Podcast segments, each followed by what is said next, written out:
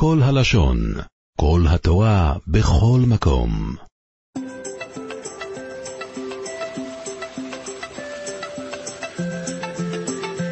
קהל נכבד, שלום. תשמעו סיפור, סיפור, סיפור. היה בית כנסת קטן, חמוד, לפני 50 שנה, באמריקה, באיזו שכונה קטנה, באיזה חדר מדרגות למטה, מתחת היה basement, היה בית כנסת, עם רב, עם קהילה קטנה, 40-50 אנשים, כמו, כמו, כמו הרבה בתי כנסת שם באמריקה. הרב פתאום שם לב פעם אחת שאחד המתפללים הקבועים אצלו יוצא החוצה מברכת כהנים. וזה היה נראה נורא תמוה בעיניו. אולי צריך להקדים לכם מה, שאתם, מה שלא כולם יודעים, בחוץ לארץ, אצל האשכנזים, אין ברכת כהנים כל בוקר, אין אפילו כל שבת, אפילו לא כל חודש. יש רק פסח, שבועות וסוכות במוסף. כלומר, ברכת כהנים זה משהו נדיר, וזה לא סתם משהו נדיר כמו בר... ברכת החמה. זה משהו נדיר שמברך אותי. החמה מציצה שמה באיזשהו תאריך, אבל היא לא מדברת אליי, לא מברכת אותי. הכהנים כן מברכים אותנו. לכן היהודים מאוד מאוד התרגשו באירופה לפני השואה, ואחר כך באמריקה עד היום, כשיש ברכת כהנים. כשהיה משפחה שהיה אבא חולה, היו הבנים לוקחים אותו עם המיטה לבית כנסת בפסח, שבועות וסוכות למוסף, שיהיה לו ברכת כהנים. ברכת כהנים זה היה מצווה נדירה וחשובה ויקרה בעיניהם. והנה הרב רואה שמישהו יצא החוצה. לימד עליו זכות, כואבת לו הבטן, ואני יודע מה קורה, יכול להיות. אבל הוא החליט שפעם הבאה זה לא יהיה בפוקס, אלא מהכפלים של הטלית הוא יציץ, לראות האם באמת האיש יוצא. זכר, הגיע החג הבא, ומגיע הכהנים מברכים, והאיש מציץ, הרב מציץ, רואה שהוא ככה לאט לאט לאט לאט לאט לאט לאט לאט לאט החוצה, איך שהכהנים גומרים, הוא חוזר בחזרה. זה לא יכול להיות, בן אדם נורמלי, אוהב את הציבור, הציבור אוהב אותו, אחד מהחברה, למה? למה הוא בורח מברכת כהנים? אני אבדוק עוד פעם. אכן כן, בדק עוד פעם, ועכשיו היה לו ברור, האיש יוצא מברכת כהנים אין אפס. אני אשאל אותו, אבל ילד קטן בן ארבע אפשר לתפוס באוזן, תגיד לי, אינגלה, מה, מה, מה הסיפור איתך? בן אדם מבוגר, רציני, מכובד, מה, אני אתפוס אותו באוזן? נביא לו את זה ככה ב... בטוב. טפח לו על השכם באיזה יום חול אחד, באיזה יום שלישי או רביעי בבוקר אחרי תפילת שחרית, ואומר לו, אולי כבודו רוצה להתארח אצלי לסעודת שבת? הרבנית שלי תשמח להכיר את האישה שלך, בוא, סעודת שבת אצלי בבית, אתה מוזמן. יואו, רביי, ודאי, כבוד גדול הוא לי, שכוייח, thank you very much,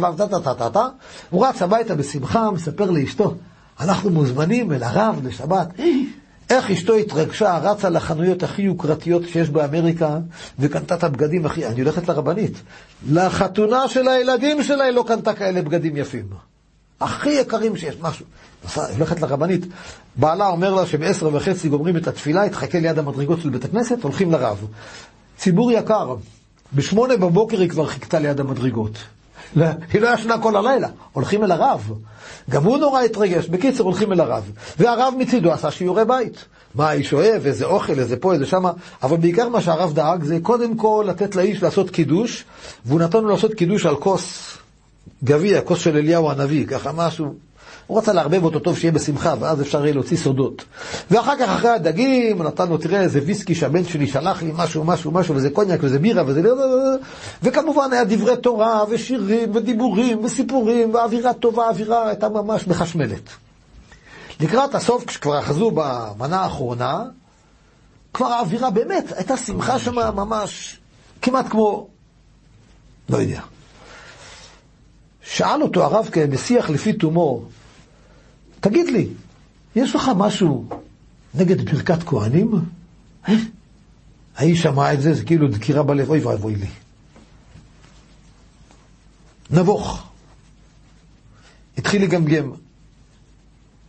רבי, אתה לא תבין אותי. תגיד, תסביר, תסביר, אני, אני מנסה להבין. אני לא יכול. אני לא יכול להיות בברכת כהנים. למה אתה לא יכול? כולם יכולים, כולם באים ממרחק, אפילו חולים באים, למה אתה לא יכול? רבי, אתה לא תבין אותי. אני, אני הייתי בברכת כהנים בתוך בית המקדש. בתוך בית המקדש. בקדושה, באווירה הזאת, בפלנטה הזאת של, של בית המקדש, שם אני הייתי בברכת כהנים, אני לא יכול להרגיש שאני מוריד פרופיל. הרבי כבר התחיל להרגיש רגשות אשמה. וואי וואי וואי. אני נתתי לו בירה, ויסקי, ערק, וודקה, לא יודע מה עוד שם ברבב אותו, ועכשיו הבן אדם הזה היה לי בברכת כהנים בבית המקדש. למה, מה קרה? איזה בית המקדש? איזה ברכת כהנים? איפה היה בבית המקדש? והרב, והרב שואל אותו, אולי כבודו יבאר את דבריו, איזה בית המקדש, איפה אתה היית בבית המקדש בברכת כהנים? אמר לו, רבי, אני אספר לך איפה הייתי בברכת כהנים בבית המקדש. אתה יודע, לפני 30 שנה, היום זה כבר 80, אז לפני 50 זה היה 30. לפני 30 שנה הייתה השואה. אני הייתי באושוויץ. ובצריף שלנו היה לנו מנהל אחראי על הצריף, רשע מרושע, כנראה שבכל הצריפים היו רשעים, אני לא מכיר, בצריף שלנו. היינו במחנה עשרה צריפים, בכל צריף 600 אנשים, בדרגשים, שישה אנשים בכל קומה, שלוש קומות, מסביב, מסביב, מסביב כל הצריף אנשים, 600 אנשים, עשרה צריפים, 6,000 אנשים היינו במחנה, עובדים, כל אחד עובד עד שאין לו כוח, ואז למשרפות. למשרפות, למשרפות. כל שבועיים שלושה, פחות או יותר, התחלפו. שם אני הייתי. ואנחנו חזרנו מותשים אחרי יום עבודה קשה, קשה, קשה, בקושי משהו לאכול קטן, ורצינו לישון, אבל הרשע המנהל של הצריף שיגע אותנו שעה שלמה. הוא הסתובב עם הכלב ובודק עם, עם השמיכה הישרה עם הקרשים של העץ, וככה, והכלב נושך פה ונובח שם, צרות צרורות עד שהכלב הזה, השני כלבים האלה עזבו, אפשר לישון. אפשר קצת לישון, די, שעתיים לשכוח מכל הצרות. אין בית, אין אישה, אין ילדים, אין משפחה, אין עצמאות, אין בית, כלום, כלום, כלום, כלום. תן לישון לפחות, רשע אחד, לך מפה. תשע בלילה הוא כבר עזב אותנו. כמעט שנרדמתי, השכן שלי סוחב אותי בפיג'מה שלי, זה הפיג'מה, הבגדים של כל היום וכל הלילה, לא היה משהו אחר. ואומר לי, רבי ינקל, היום זה ליל סדר, אתה יודע, ליל פסח. אני הצלחתי לגנוב, השכן כנראה היה איזה רב באיזשהו מקום, אני לא מכיר אותו. אני הצלחתי לגנוב קצת חיטה מהמטבח של הגרמנים, טחנתי אותה, ברבבתי עם מים, עשיתי ערימה של עשבים, שרפתי אותם, עשיתי אש, ועל האש בישלתי את זה. זה לא בדיוק מצה, אבל זה לא חמץ. ועשיתי את זה מהר. זכר למצה, משהו קטן. בוא נשב על הרצפה, נגיד ביחד אגדה של פסח. אני זוכר קצת בעל פה, אתה זוכר קצת בעל פה, בשקט נעשה אגדה של פסח. ותאכל קצת זכר למצה. דבר אחד יש לנו כאן בשפע מכל ההגדה של פסח, מרור. מרור יש לנו כאן בשביל מיליון שנים. טוב, נורא שמחתי, התגלצנו החוצה מה, מהדרגש, ישבנו על הרצפה, החתיכת בצק הקטן הזה, השרוף, היה בינינו, והתחלתי להגיד, עבדים היינו, מה נשתנה? איש אחד שמע, עוד אחד הצטרף, עוד אחד. כבוד הרב, ככה מספר האיש הזה, פחות מחמש או עשר דקות, שכחתי מה הוא אמר שם, לא אמר עשר, פחות מעשר דקות מאז שזה התחיל, היו חמישים אנשים מסביב החתיכת מצה הקטנה הזו, שאפילו כזית אחד לא היה בה. וכבר מי דיבר אגדה של פסח? שרו שם, שרו, התלהבו, חיו בפלנטה אחרת פתאום, באיזו התרגשות. אני לא זוכר בחיים שלי שככה שרתי בהגדה של פסח בבית שלי, אישה, ילדים, משפחה, נכדים, סבא, סבתא, כולם. איזו התרגשות הייתה שם, היינו בעולם אחר. והגרמני, יימח שמו, שמע שיש רעש, הדליק את האור, נכנס. מה זה ההתארגנות הדתית הזאת כאן? מי אחראי לזה? הרב שארגן את זה קם, אני. הגרמני הוציא את האקדח, רוצה להרוג אותו. פתאום אומר, לא, לא, לא, לא, לא, לא, לא, לא. העבירה שלך יותר מדי חמורה בשביל שאנחנו ככה נהרוג אותך לבזבז עליך כדור סתם. מחר כל עשר, עשרה צריפים לא יוצאים לעבודה. עושים לך משפט פומבי, תולים אותך ומסבירים לכולם על גודל הפשע לעשות התארגנות דתית במחנה שלנו. אכן כך היה, לא יצאנו לעבודה למחרת בבוקר.